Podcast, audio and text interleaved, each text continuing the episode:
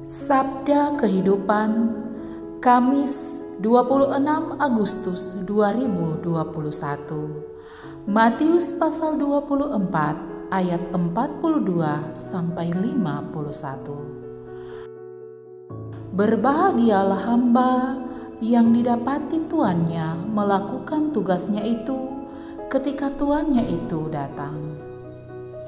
Masa pandemi ini sungguh merupakan ujian kesungguhan hati untuk tetap rajin bekerja, menjalankan tugas sekalipun tidak diawasi, serta mengerjakan tanggung jawab dengan tekun dan setia.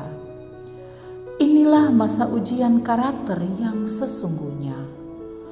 Apakah seorang bekerja hanya karena diperintah dari luar? Atau karena dorongan yang kuat dari dalam untuk tetap rajin bekerja, terus berikhtiar melakukan yang terbaik, tidak menyerah pada keinginan diri untuk tidur dan bermalas-malasan.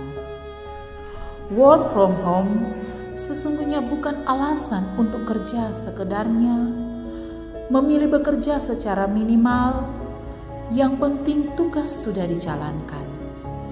Inilah kesempatan melatih diri untuk menambah motivasi dalam diri bahwa pembatasan-pembatasan yang ada tidak membuat kita terbatas dalam bekerja secara maksimal.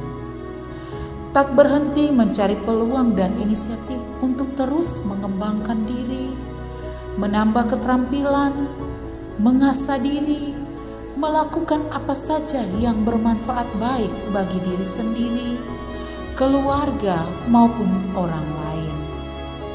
Pembatasan untuk beribadah jangan sampai membawa kebiasaan baru untuk melalaikan ibadah dan doa, sehingga hari Minggu pun bukan lagi hari untuk Tuhan. Semoga kita semua termasuk dalam golongan yang Yesus katakan sebagai hamba yang setia yang didapati tetap tekun dan rajin bekerja dan berdoa, apa pun situasi yang kita hadapi. Ya Yesus, beri kami rohmu yang kudus untuk tetap bertahan dan penuh sukacita mengerjakan tugas hidup kami. Mari terus berkarya menjadi hamba Tuhan yang setia. Pastor replicano per